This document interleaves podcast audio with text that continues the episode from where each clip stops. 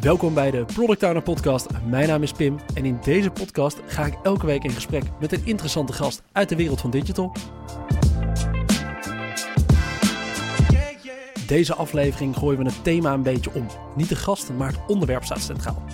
Ik wilde een aflevering maken over de tofste boeken voor jou als product owner. Ben je geen product owner en ben je deze aflevering al wel aan het luisteren? Ook dan gaan we een hele toffe lijst aan boeken bespreken in deze podcast. Ik heb mijn collega Jochem uitgenodigd als ja, een beetje de grote boekenwurm van kantoor. En degene die ervoor verantwoordelijk is dat elke collega in ieder geval vier boeken altijd in zijn kast heeft staan. Ook ik heb deze boeken in mijn kast gestaan en in alle eerlijkheid, ik heb er nu drie uit. Dus Jochem, je mag mij ook even meenemen in het verhaal waarom ik dat vierde boek binnenkort ook maar eens even moet gaan openslaan. Tof dat je te porren was om even aan te sluiten in ieder geval in deze aflevering. Kun je eens even voor me opsommen? Wat zijn uh, boeken waar we het vandaag over moeten gaan hebben? Mooi. Mooi dat je ook durft te bekennen dat je je huiswerk niet af hebt. Uh, welke heb je niet gelezen? Ik heb uh, Sprint niet gelezen van de vier die we... Ah ja, nou, daar gaan we het zeker over hebben. De Sprint is een hele belangrijke. gaat met name over uh, workshop vormen. Ehm, extreme Ownership van Jocko en consorten gaan we het over hebben. We zitten met name in de gedragshoek. We kunnen natuurlijk niet om 50 tinten nee heen. En wat mij betreft uh, het beste basisboek wat er is voor product owners. Volgens mij heb jij Willem al gehad, dus ik denk dat we hem even heel kort kunnen samenvatten. En dan uh, is er ook nog het vierde boek, Never Split the Difference. Ze presenteren uh, dat zelf als een onderhandelingsboek, al ben ik met name groot fan van hun gesprekstechnieken in het algemeen.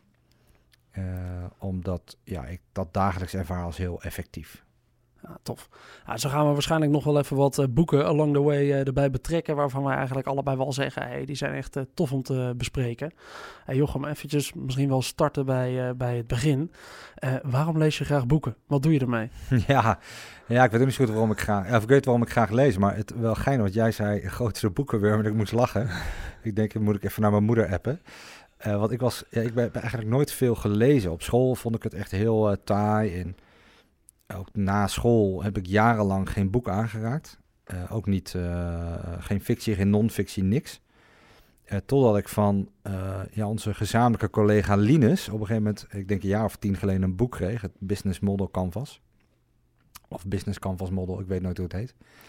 En hij zei, dit moet je lezen. Ja, dus ik echt, ja, ja nou oké, ik ga er wel aan beginnen. En ja, ik heb volgens mij in één dag uitgelezen.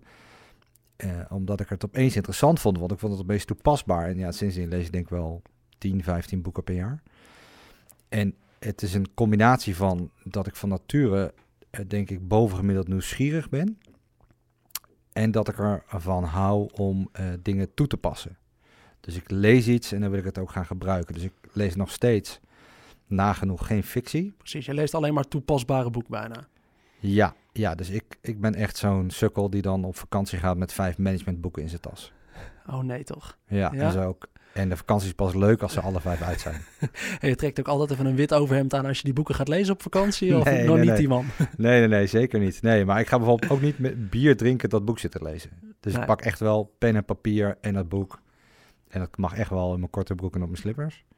Maar ik ga niet naar dat tweede fles rood uh, nog een keer een boek open zitten slaan. Nou, hoe bewaar je, ja, want ja, je, als je al die boeken leest, ook op vakantie, hoe bewaar je je kennis van die boeken? Is dat echt, uh, je hebt al gelijk het haakje, heeft, hebt hem even in je achterhoofd, schrijf je dingen op, plak je je hele boeken vol met notities en post-its?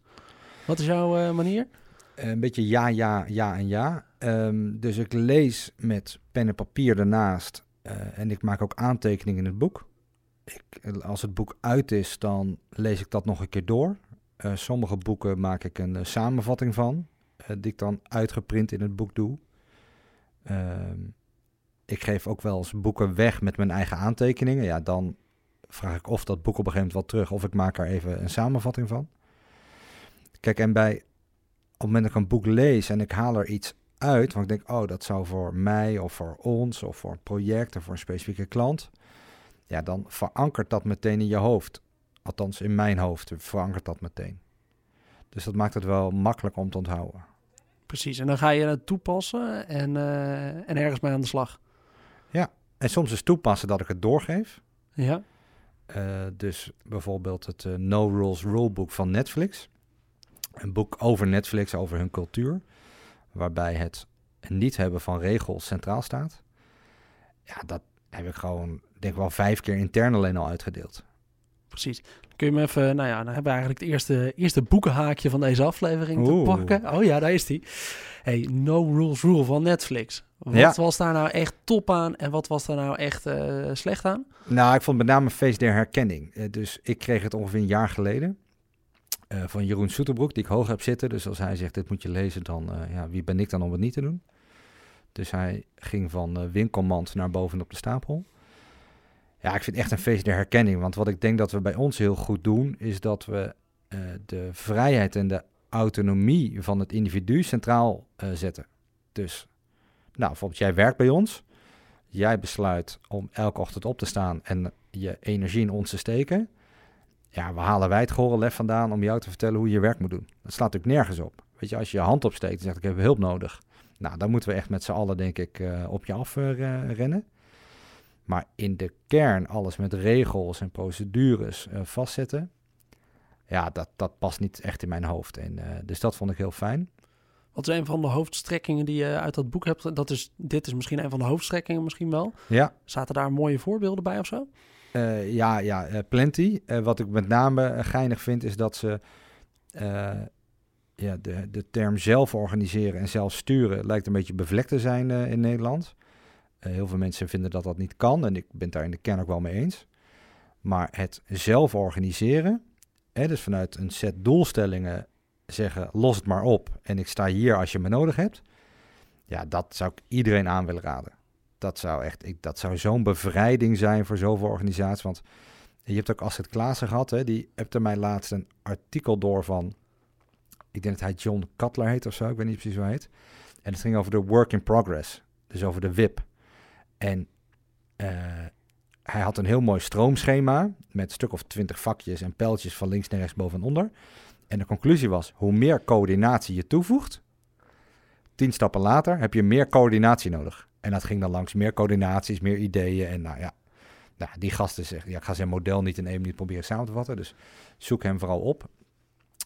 Um, maar dat soort dingen vind ik er wel heel geinig. Dus ik geloof in minder coördinatie. Uh, ja, volgens mij moet je, je moet een aantal doelen geven. Uh, dus, en de verwachtingen die daarbij horen helder scheppen, denk ik. Voorbeeldgedrag laten zien goed gedrag belonen en that's it. Tof. Wanneer moet je dit boek dus echt lezen? Als je in welke situatie zit, is dit boek uh, echt nuttig? Of is het eigenlijk voor iedereen wel een uh, eye-opener? Ja, kijk, ik denk dat iedereen die een regisserende rol heeft, dus iets met manager of coördinator of lead, die zou dit, denk ik, daar zou ik dit aan willen raden. En ik denk als je in een team zit waarin heel zwaar wordt geleund op werkprocessen, procedures, spelregels. Uh, en dat werkt niet voor je als mens of als resultaat. Ja, lees het, lees het weet je wel. En ga ermee, ga ermee aan de slag. En misschien is dan de conclusie dat je er niks mee doet, ook goed. Maar ik denk dat het voor die twee uh, doelgroepen wel echt een verrijking kan zijn. Legt Netflix nog ergens uit of dat ze wel een bepaalde regel hebben? Of is er echt geen enkele regel? Nou, er zijn ook wel regels bij Netflix, uh, natuurlijk. Uh, en ook wij hebben bij ons intern een paar spelregels. Het is niet dat wij compleet regelvrij zijn. Um, maar ja, de kernboodschap is: regel het met elkaar. Los het met elkaar op. Precies. We zijn allemaal geen idioten. We kunnen het allemaal eigenlijk zelf wel oplossen als we allemaal in de gelijke visie staan. Ja, ja. Ja en dus daarbij is dat laatste wel heel belangrijk. Ja, ja, en daar moet je denk ik op selecteren past iemand binnen die visie en begrijpt iedereen dat? Ja. Of wat bedoel je dan? Ja, precies. Ja, ja. Dus je moet uh, met elkaar een, uh, een ongeveerzelfde stip op de horizon omarmen. Eens, eens. Ah, tof. Die, uh, dat is even de eerste van het, uh, van het lijstje van uh, boeken, boeken voor de product owner. We gaan zeker geen pauze nemen, Jochem. Maar we gaan wel even verder naar, naar wat meer toffe boeken zijn. ergens gaf je het net al eventjes aan. voor het boek 50 Tinten Nee is ook een van de ja, echt vaste product owner boeken die je ja, eigenlijk wel gelezen moet hebben. Ja omdat hij vol staat met toffe tips. We hebben het daar in aflevering 10 uh, met Willem zelf over, een van de schrijvers van het boek. Dus uh, wil je nou even wat meer weten rond het boek 50 tinten nee, dan beveel ik met name eventjes aflevering 10 aan. We kunnen het wel even kort uh, over hebben. Waarom is het voor jou een van de tofste product boeken? Um, Ja, nee, eens. Hè, gaat lezen. En, uh, want Willem uh, kan natuurlijk veel beter vertellen over zijn uh, boek. of gaat tien, aflevering 10 terug luisteren. Want die kan dat veel beter vertellen dan ik. Wat ik er fijn aan vond, was dat het boek op zo'n manier is geschreven. Dat ook de hele grote groep startende product owners. Dus die zijn doorgegroeid vanuit een business analistenrol of een, of een proces engineer rol of een marketingrol. Er wordt gewoon heel helder uitgelegd wat je werk eigenlijk is. En ook hoe je dat goed kan doen. Ja, en dat is wel lekker. Want heel veel organisaties hebben maar geen of één of twee product owners. Dus je kan ook niet intern even een intervisieclubje beginnen of zo. En leg me nou eens uit dat ik mijn werk moet doen. ja, dat is wel mooi. Uh, maar daarbij hoort ook inderdaad, je zegt het net al, uh, product owner als je doorgroeit. Want product owner is vaak wel een rol van mensen die doorgroeien. Ja, volgens ons onderzoek wel. Uh, ik weet niet of dat onderzoekje als ter sprake is gekomen, maar we hebben in de zomer van 21 hebben we meer dan duizend product owners gevraagd om uh, ons vragenlijstje in te vullen. En een van de vragen is, uh, hoe ben je nou in je huidige rol gekomen? En ja, uit mijn hoofd 43% uh, zegt vanuit een andere rol in het bedrijf. Dus ik was eerst dit en nu ben ik product owner. Ja, en die mensen moeten dan, helpen. Ja, met name dan moet, is zo'n boek wel even heel interessant. Want ja, in die aflevering 10 hebben we het er ook gelijk inderdaad even over, over je rol als product owner. Ja, dat is toch wel even wat anders dan uh, een rol op een marketingafdeling of een rol als business analyst. Uh, waarbij je in één keer hele andere doelen gaat bewaken. Uh, en dat met name ergens klantwaarde leveren. Zeker, zeker. Ik denk dat veel rollen zijn specialistisch, maar ja, ik zou de product owner rol niet als specialistisch willen omschrijven. Ja, meer een generalistenrol eigenlijk. Ja, dat denk ik wel. Dat denk ik wel. En um, ja, dan wordt er toch ander gedrag van je gevraagd. Eens, eens. Nou, die uh, boek 2 op het lijstje, nadat we het hebben gehad over No Rules Rule. 50 tinten nee mag ook op, uh, op je lijst als product owner, als je hem nog niet gelezen hebt. Hey, in die aflevering 10 had ik het toevallig over met Willem dat hij uh, Jocko wel eens had ontmoet. En uh, Jocko, ik weet toevallig dat het een van jouw uh, helden is als het gaat om inspirators. Nee, absoluut. Jocko, ja. Jocko is de schrijver van Extreme Ownership. Kun jij mij heel eventjes meenemen in Extreme Ownership en waarom Jocko volgens jou zo'n held is? Ja, het is wel gein dat je dat zegt, want ik ben eigenlijk nooit jaloers of zo. Ik heb niet veel last van mijn ego, maar toen ik Willem dat hoorde zeggen, dacht ik, fuck, dat wil ik ook. Um, nee, ja, kijk, waar, waar, dat boek over gaat, Extreme Ownership, het is een Engelstalig boek. Het is nog niet in het Nederlands, eh, volgens mij. Hij zit heel erg op gedrag.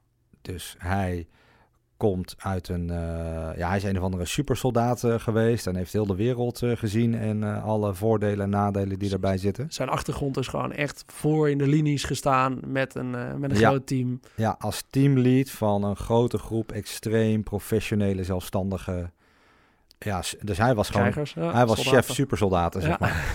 nou ja, doe je best. En uh, uh, even los van dat, dat denk ik, uh, ja, dat staat natuurlijk mooi op de poster, hè, dat soort, dat soort rolmodellen. Hebben ze inhoudelijk, want hij schrijft dat met een collega van hem, hebben ze een heel inhoudelijk sterk verhaal, denk ik.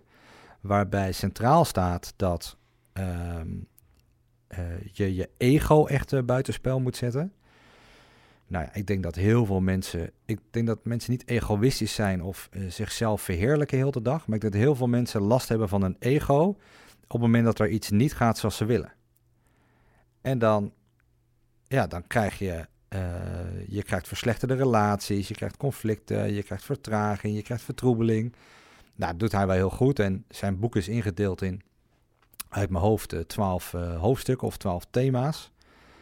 Um, en al die thema's draaien rondom leiderschap. En dus één daarvan is bijvoorbeeld geen ego. De ander is, hey, hoe ga je nou om met een manager of een leidinggevende die het eigenlijk niet zo heel lekker doet? Nou, ga je dan de slachtofferrol in of ga je dan defense spelen? Nee, we gaan aanvallen, maar wel op een manier dat dat voor die relatie ook goed is. Nou, geeft hij hele praktische tips.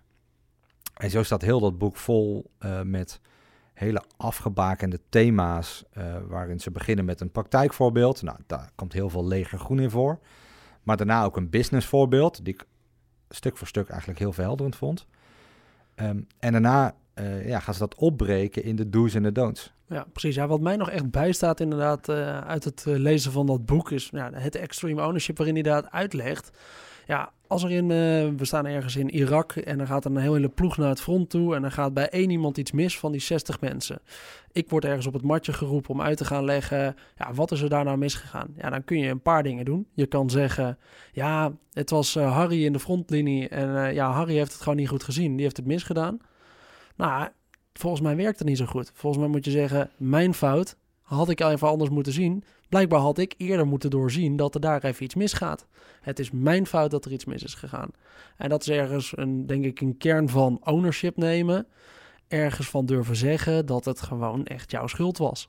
En daarin zelf durven gaan zoeken naar de oplossing. In plaats van de ander voor, uh, voor de trein te gooien en te zeggen: ja, was, uh, het was zijn schuld. Ja, en die mindset, hè, die is zo belangrijk. Moet je je voorstellen dat je nou, ik veel. Thuis, je zit op de bank en dan komt de schilderij naar beneden. En je vriendin geeft meteen jou de schuld, want je hebt dat schilderij opgehangen. Ja, dat, dat is nou net het gedrag wat je niet wil hebben, zeg maar. Snap je? Dus ik zou ook nooit iemand anders de schuld geven, behalve mezelf. En natuurlijk, kijk, ik heb als individu niet zo heel veel invloed op uh, wereldvrede. Maar alles in mijn directe omgeving vind ik, als daar iets misgaat, ja, dan heb ik daar toch een rol in gehad. Want ik of mijn verwachtingen niet goed uitgesproken, of ik heb onvoldoende ingecheckt, of nou, er nog een hele lijst op. En dat doen zij heel krachtig. En uh, ja, alleen daar wel een. Ja, en ik ben ook groot fan van zijn podcast. Uh, dat is de Jocko podcast. En ja, dat is uh, week in, week uit uh, draaien ze een rondje daar. Met, uh, soms met gasten, soms met elkaar. Waarin vaak ook boeken centraal staan. Um, en daar komen die principes continu terug. dus voor iemand die het lezen wat moeilijker vindt of veel in de auto zit of zo, ja. De Jocko podcast rules dan, uh, dan kom je er ook wel uit. Dan hoef je niet het, uh, het hele boek Extreme Ownership door te spitten. Nee, dus wat ik heb gedaan, ik heb ooit het boek gelezen. Daarna heb ik een stuk of, uh, nou weet ik veel, 60, 70 podcasts geluisterd. Je had even de tijd, Jochem. Nou ja, god, die 200 uur in een jaar tijd, die, die vind ik wel in de auto en ja. wandelend en hardlopend en zo. Um, ja, toen nog je dat boek erbij gepakt en dacht, ja, oké, dit boek heb ik wel uitgespeeld, omdat je, ja, ik heb zoveel vlieguren met mijn oordop ingemaakt. Uh, dat zou een prima alternatief kunnen zijn. Ja, uh, mooie oplossing. Uh, extreme ownership, uh, boekentip en dus ook wel ergens een podcast tip. Als je gewoon, ja, ik denk eigenlijk wel voor iedereen verhelderend. Gewoon omdat het je ja, wat uitlegt over wat nou de invloed is van soms een ander eventjes de schuld geven. En dat je eigenlijk zelf best wel veel invloed hebt op situaties. Ja. Ja. Um, dus Mag ik nog één mooie anekdote vertellen over die Jocko? Dus wij, wij zijn allemaal wel fan van hem. En uh, wij organiseren ook events en zo. En dus wij proberen Jocko naar Nederland toe te halen. en, uh, ja, Zet Jocko op het vliegtuig, ja. Zet Jocko op het vliegtuig, doe maar drie dagen. En gooi een beetje biefstuk erin bij hem. En dan uh, reden naar sportschool ook. Kan hij een beetje voor de klas staan. En toen vroeg de beste man voor twee dagen 120.000 dollar. Namelijk 50.000 dollar per dag om op een podium te staan. En uh, vliegen van, ja, hij woont ergens in San Diego of zo. San Diego, Amsterdam, met hotelkamers ook 20 euro. ja. thanks, but no thanks. Amerikaanse tarieven ook wel ergens. Hè? Dat is ons lieve kikkerlandje ja. uh, een beetje buiten proporties. Ja. ja, dat is wel geinig. Mooi. Ja, mooi. Nee, echt een uh, tof boek. En uh, met name de principes die ook mij wel echt aanspreken. Ehm, waar, ik wel, waar ik wel over te spreken was. Ja, toffe. Ja, denk ook. Ja, ik heb ook nog nooit iemand gevonden die er een gat in kan schieten. Snap je? Het is... Ja, hij legt ook ergens uit inderdaad van een uh, fabriek ergens... Waar, het, uh, waar ze al jaren hetzelfde aan het doen zijn. En uh, de directeur blijft daar maar het personeel, een afdeling, de schuld geven. Ja, het is de schuld van de marketingafdeling. Die jongens die snappen hun werk gewoon niet. Die weten niet waar ze het moeten promoten. Of ja, de salesafdeling kan het niet aan. want de salesafdeling, ja, die, die krijgen het gewoon niet verkocht. Die krijgen mensen niet aangesproken. Waarna hij vervolgens daar als een soort business coach binnenkomt. En met die directeur maar eens even gaat zitten en ja, leg eens even uit. Wie zijn schuld is het nou? Ja, het is hun schuld. Weet je dat zeker? Ja, ja het is hun schuld. Ja, uiteindelijk komen ze ergens tot een punt dat die directeur zichzelf moet, maar ze moet gaan uitleggen aan de boardroom. Ja, dat het toch misschien wel gewoon zijn schuld is. Ja, ja eens. Ja, ook, ja, nee, helemaal mee eens. En wat ook een mooi voorbeeld, op een gegeven moment heeft over een, een, een daily stand-up met uh, vijf, zes uh, leidinggevenden. En met hun leidinggevenden weer. En dan elke dag, oké, wat heb je nodig? En Joker zegt elke dag, nee, nee, ik heb niks nodig. En al die anderen zeggen, ja, ik heb dat nodig en dat loopt vast. En Joker zegt, nee, niks aan de hand, ik heb het. En dan zegt hij dag in, dag uit. En op een gegeven moment zegt hij, ja, ik heb wat je nodig. Ja, valt iedereen stil en zegt, zeg maar wat je nodig hebt. We gaan nu allemaal alles in het werking stellen om je te helpen. dus als je dan nog een keer je hand opsteekt, ja, dan krijg je ook wel echt de aandacht, denk ik. Ja, tof. Nou, die eh, nummer drie op het lijstje. Ja, Hey, ander boek wat ik heel vet vond, wat ik ook echt, eh, die heb ik al echt snel uitgelezen, denk ik. Never Split the Difference. Nou, ergens de, de kern van die titel, je legt die al vrij vroeg in het boek uit. Het is een boek geschreven door Chris Vos. En eh, Chris Vos is een oud FBI-onderhandelaar eh, die met name gijzeling heeft onderhandeld. Ja, en zoals wij in Nederland nog wel eens vaak willen zeggen, nee, ik bied eh 200 euro. Nou ja, hij is 150 euro. Oké, dan maken we er 175 euro van. We splitten het wel eventjes eh, in het midden. Ja, kun je als gijzelingsonderhandelaar een beetje moeilijk zeggen, ja, je hebt vier mensen binnen zitten. Doe mij er maar twee naar buiten toe.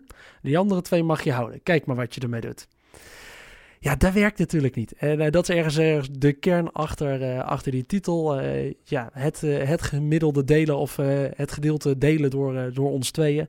Ja, dat is niet in elke situatie toepasbaar. Dus ik vond het een heel cool boek waar, waarin hij echt wel mooie dingen uitlegt. Wat is jou echt bijgebleven uit dat boek? ja, heel veel. Ik durf te stellen dat ik het wel vijf keer heb gelezen in de laatste drie jaar. Hij, die Chris heeft ook een, ehm, een eh, op masterclass.com heeft hij een cursus. Eh, dus dan betaal je, weet ik veel, 200 dollar per jaar en dan mag je onbeperkt allemaal van die hele slimme en bekende mensen eh, luisteren. En ik heb het speciaal voor hem dat abonnement genomen, want dat is de enige plek waar hij online doseert. Ehm, ja, en ja, kijk, hij heeft het heel veel over het onderhandelen. En dat deel boeit me eigenlijk niet zo, want ik heb niet het idee dat ik veel onderhandel in mijn leven. Ehm, maar hij heeft met name, zet hij de kracht van luisteren en de kracht van stilte zet hij heel centraal. Dus hij leert je wat vraagtechnieken. Ehm, met als- Voorbeeldje? ja, zeker. Ehm, dus door bijvoorbeeld het. eh, dus stel, ik vertel een verhaal. En jij gaat de kern twee, drie woorden uit mijn verhaaltje geef je terug. Eh, dus ik zeg bijvoorbeeld, eh, ik ben vanochtend naar de bakker geweest en dan was het heel druk. En dan zeg Oh, jij, naar de bakker geweest. ja, of jij zegt bijvoorbeeld, druk? Ja. Zeg ik, ja, er stonden wel vijf mensen. En dan, eh, oké, vijf mensen, weet ik veel. Ja. En dan zegt hij bijvoorbeeld, oh, klinkt alsof het een kleine bakkerij is. Of het klinkt alsof je haast had. Of het, weet je wel, dat soort dingen. Dus hij, dus in plaats van, want als ik zeg, was vanochtend druk bij de bakker, ja dan, Heeft Ja. iedereen de neiging om ook, oké. ja, Ja. maar Ja. eh, wat was vanochtend? Hoe Ja. druk was het dan? Eh, vertel eens wat over die bakker. En kijk, wij zijn, denk ik, eh, omdat, althans, ik sta altijd aan in mijn hoofd, dus is het ook heel verleidelijk om meteen maar door te pakken. Terwijl als je gewoon zegt, oké, maar in die zin, hè, het was vanochtend heel druk bij de bakker, ja, er zitten wel tien vervolgvragen in. En ik denk door op het juiste moment de juiste vervolgvraag te stellen, er een korte vraag van te maken en daarna gewoon je kop te houden. Eh, want ik kan bijvoorbeeld zeggen, oh, hoe groot is die bakker? En dan kan ik meteen zelf allemaal voorbeelden gaan geven. Is die klein of groot? Ja. Als ik niks zeg, dan krijg ik waarschijnlijk een antwoord wat me gaat Veel meer verrassen. informatie. Ja? En ik denk in het werk wat wij doen, is het hebben van informatie, is zo waardevol. Ja, dat is wel een Zo beetje de kern van, eh, van product owners. Ja, je moet gewoon overal informatie weten op te halen. En dan is dit wel... eh, Om ook echt dingen te snappen. En ik denk, ik hoorde eh Marieke hier in aflevering, eh weet ik veel, zes of zo eh, ja, zeggen. zes, ja. Mooi dat dat weten. Ja, Aflevering wel zes. knap. Ja, Ja. Marieke Kraak, aflevering 6. Ja, en ehm, die hoorde ik zeggen, als Einstein een uur de tijd heeft voor een probleem, gaat hij 59 minuten begrijpen en 1 minuut oplossen. Zoiets zei ze. Check.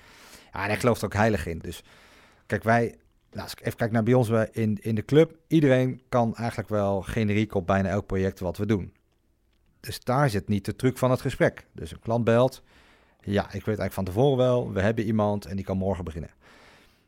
De truc is veel meer om in die intake-rondes er zoveel mogelijk informatie uit te halen. Qua omgeving, qua verwachtingen, qua complexiteit. Waarom is het eerder misgegaan? Waarom is het nu een probleem en niet pas over twee maanden? Nou, zo nog 200 vragen. Hoe meer informatie we ophalen, hoe groter de kansen dat we dat succesvol gaan doen op een manier die onze collega ook overeind houdt. Dat hij het leuk vindt en energiek en zo.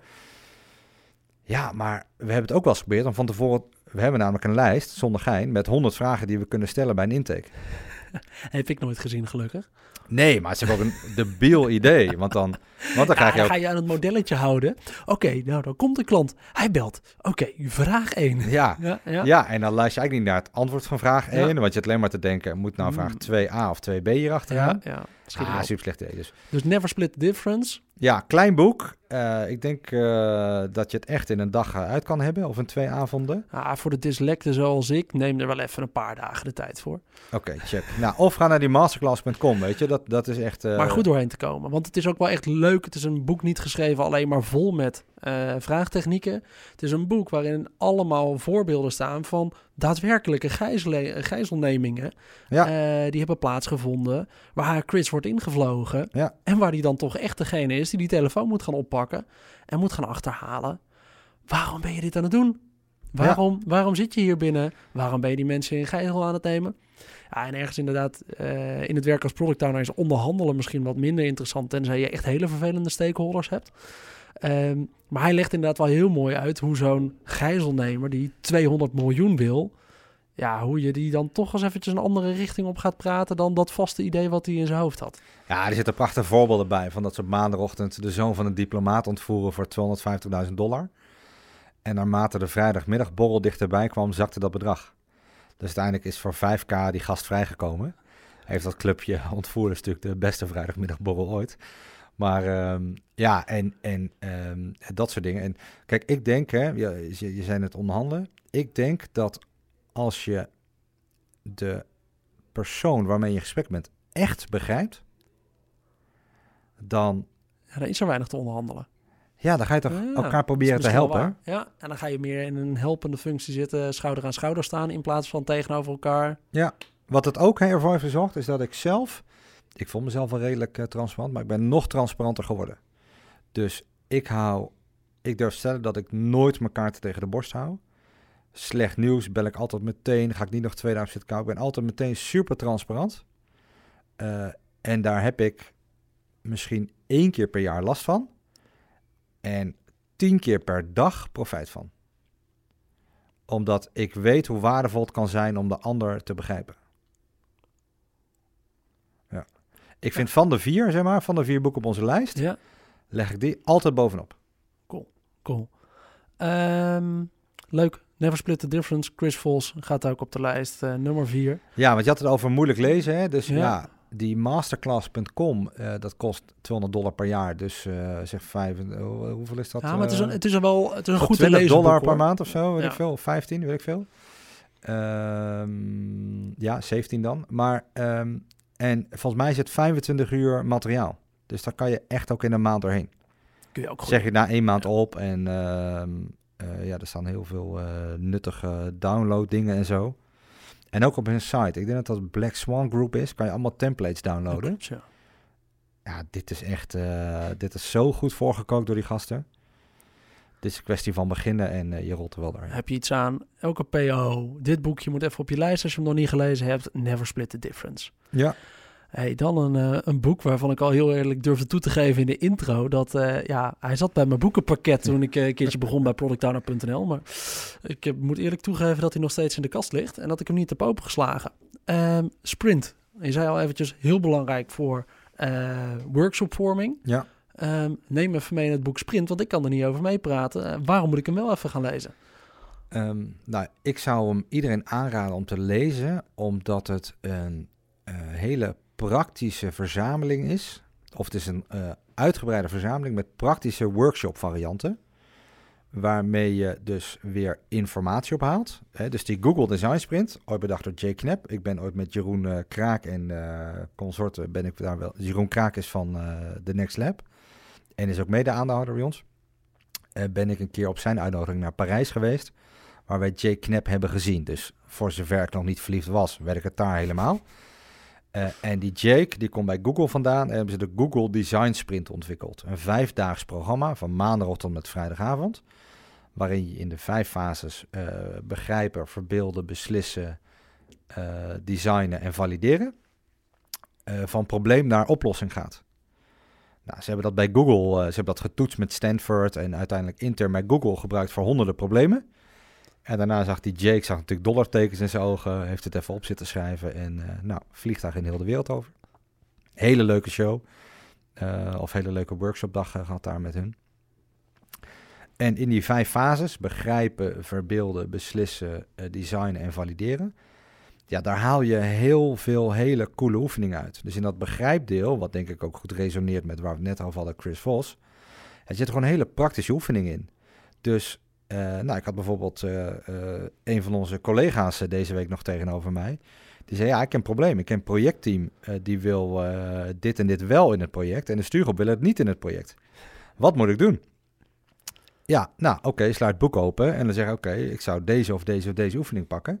Zet je allemaal een uur in een videocall, Miro-bordje erbij. En dan ga je deze oefening draaien. Oh ja, die voel ik wel. Gaan we doen. Nou, top.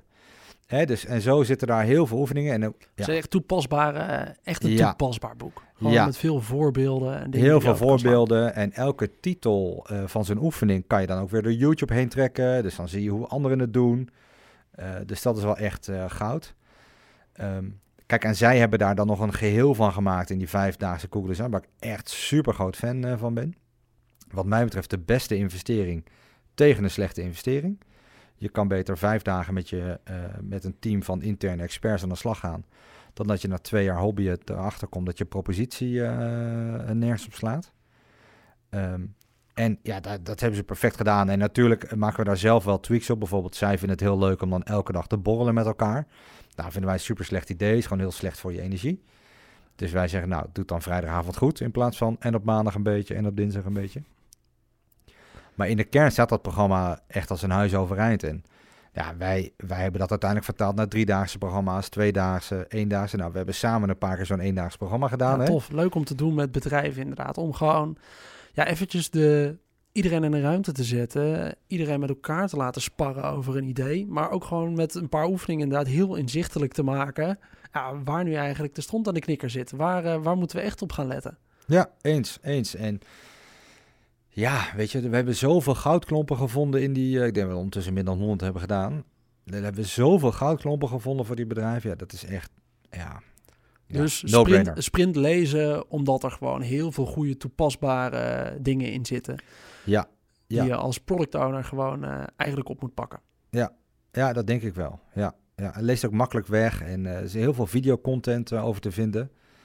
Um, ja, het is niet voor niks dat die design sprint de laatste jaren zo populair is geworden in Nederland. Ik denk dat er ondertussen wel 50 agencies uh, zijn die die designs moeten aanbieden. Ja, dat is met een reden, snap je? Dat, dat, is niet voor niks. Het werkt best wel goed. Ja, ja het schijnt best wel goed te werken. Ja, het nee, werkt, het werkt, ja precies. Het werkt lekkerder dan met z'n allen een dik projectplan schrijven... wat door twee mensen is geschreven. Dit gaan we doen met z'n allen. Ja, of zo'n heidag zonder agenda.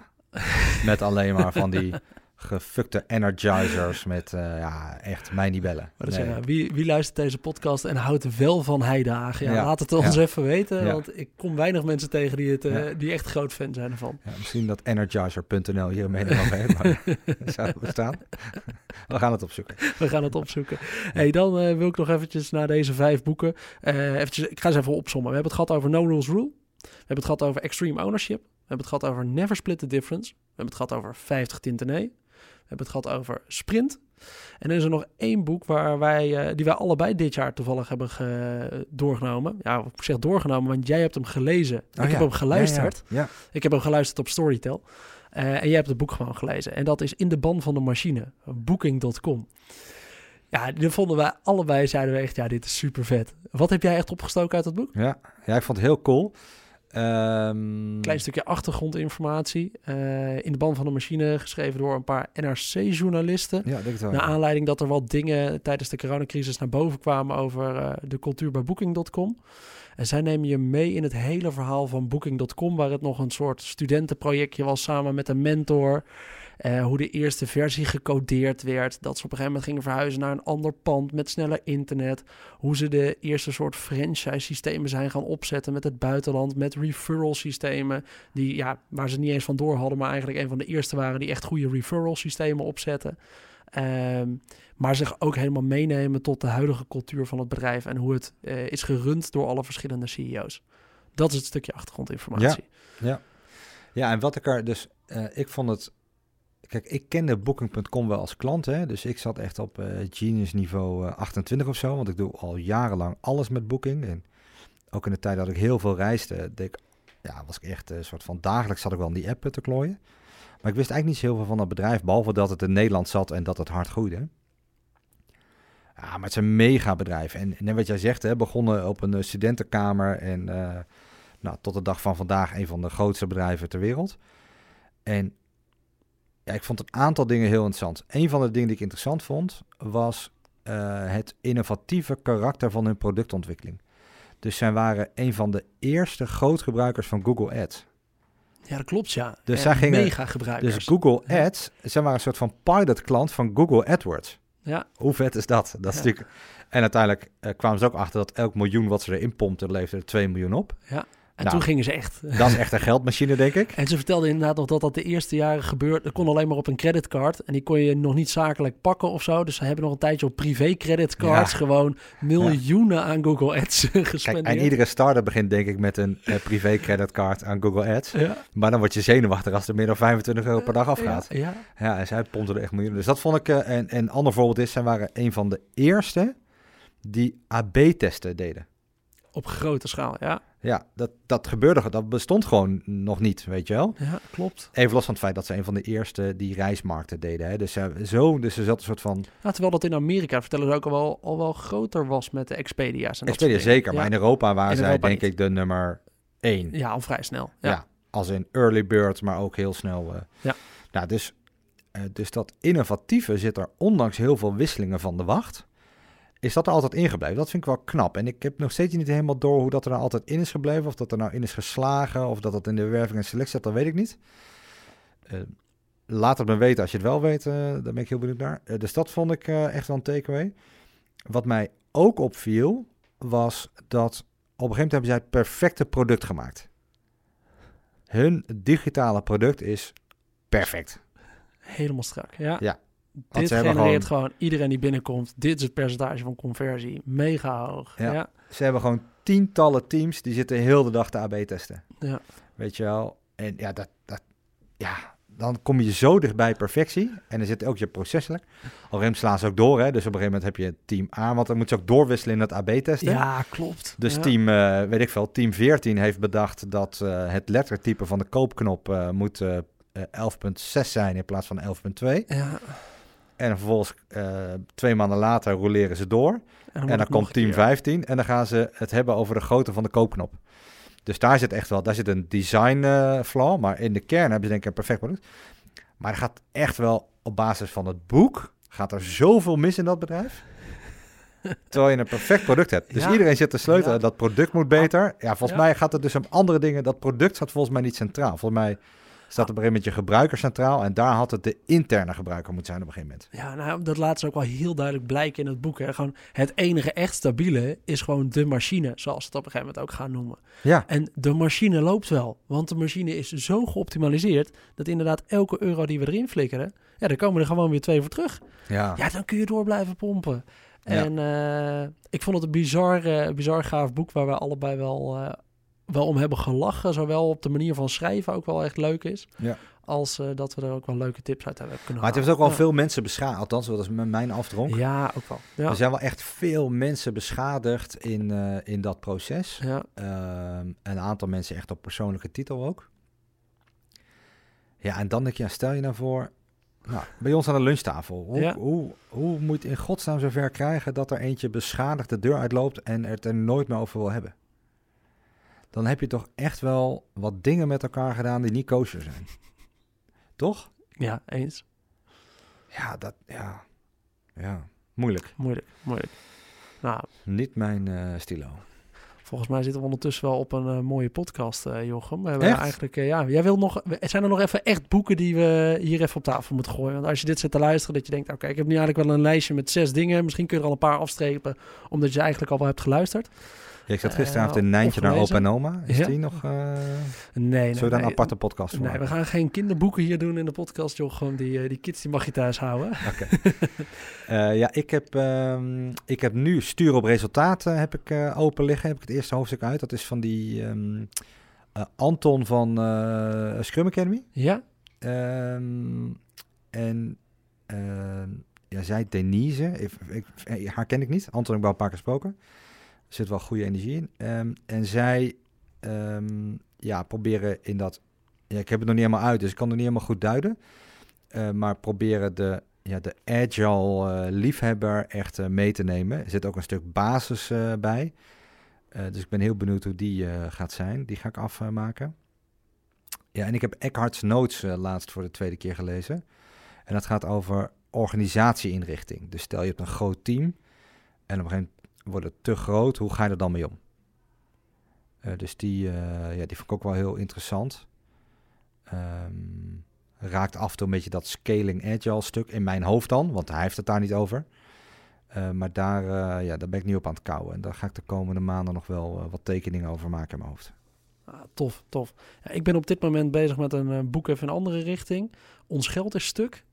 Ehm, wat meer uitlegt over ja, het geldsysteem wat we op het moment kennen. Ja, dat daar toch wel echt eh, dingen mis zijn gegaan door de jaren heen. En dat we wel in een bijzonder systeem zijn beland. Hele andere richting. Minder interessant voor product owners in het algemeen.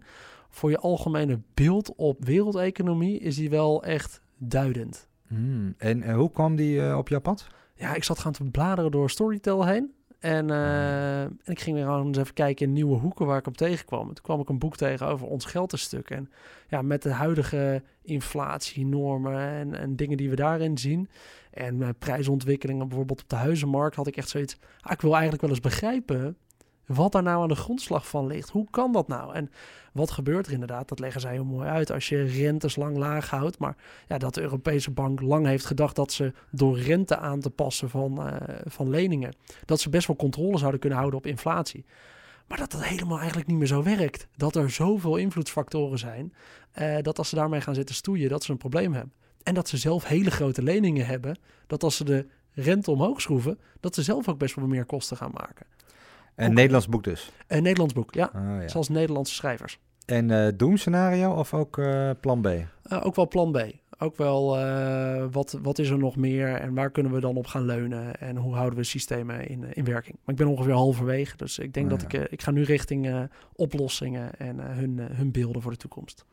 Oh, geinig. Wel, wel, wel grappig om, om je beeld te verruimen. Bij ons staat fantoomgroei in de vensterbank Ja. op kantoor. Die sluit er denk ik wel op aan. Oké, we misschien ook dus nog mocht je, daar, eh, mocht je staart nog kwispelen op het eind van het boek, dan eh, zou je die door kunnen pakken. Ik som ze nog even een keertje op voor de luisteraars. Ik zal ze ook eventjes in de omschrijving van deze podcast natuurlijk zetten. Ja, we hebben productowner.nl slash boekenlijst. Ah, dat klopt. Ja. Zal ik hem daar even opgooien? Daar, zou ik hem, eh, daar staat hij gewoon op, denk ik. Oké. Productowner.nl slash boekenlijst. Daar vind je ook nog eventjes het lijstje met de boeken. We zetten er zeker geen gesponsorde Amazon links bij. Toch wel? Nee, gaan we echt niet Nee, doen. nee, eh, daar zorgen we even dat ze opstaan. Ze staan ook al wel even in de omschrijving van deze podcast. Eh, nog eventjes kort het rijtje waar we het over hebben gehad. Eh, no Rules Rule, 50 tinten nee, Extreme Ownership, Never Split the Difference, Sprint en In de ban van de machine. Eh, ik hoop dat je er iets aan hebt. Wat mij part zijn dat hele toffe boeken voor iedere product owner. Eh, kun je er leuke tips uithalen voor je dagelijkse werk. Dus eh, zoek je nog iets om te lezen, pak ze er even bij. Hey Jochem, tof dat jij een keertje als eh, gast wil aanschuiven in deze podcast. eh, waar we hem even een thema hebben opgegooid. Normaal zitten we natuurlijk met name met de gasten. Gaat het ook echt om hun verhaal. Vandaag zijn we echt even ingegaan op een onderwerp. Misschien dat we dit wel vaker gaan doen. Ehm, vind je dat we vaker dit soort onderwerpen gewoon even met z'n tweeën uiteen moeten gaan zetten? Laat het eventjes weten in de reacties op LinkedIn of eh, stuur me ook eventjes een mailtje op uh, dan weten we dat jullie dit tof vinden. Ehm, nou ja, mochten mensen aan jou vragen hebben, dan eh, kunnen ze je vinden op eh, LinkedIn. Zeker, ja. Jochem Nui. Ehm, dan bedank ik iedereen in ieder geval weer voor het luisteren naar deze podcast. Super tof dat je er weer bij was. Ben je benieuwd naar de andere afleveringen van deze podcast? Kijk dan op productowner.nl slash podcast. Of ja, kijk gewoon eventjes op je favoriete podcastkanaal. Dan vind je waarschijnlijk de hele lijst. We hebben een paar keer verwezen ook naar andere afleveringen in, uh, in deze podcast. Kijk dus eventjes naar iets wat bij je past. Daarnaast wil ik eventjes een bedankje geven aan de Hub Studio die we weer vandaag weer hebben kunnen gebruiken. En de dames van de Breda University die ons hebben geholpen met de opnames. Um, heb je vragen aan mij, opmerkingen over deze podcast? Denk je, dit zijn echt nog wel onderwerpen die even besproken moeten worden? Stuur me dan in ieder geval eventjes een mailtje op pim.productowner.nl Dan bedank ik je voor het luisteren en tot de volgende aflevering.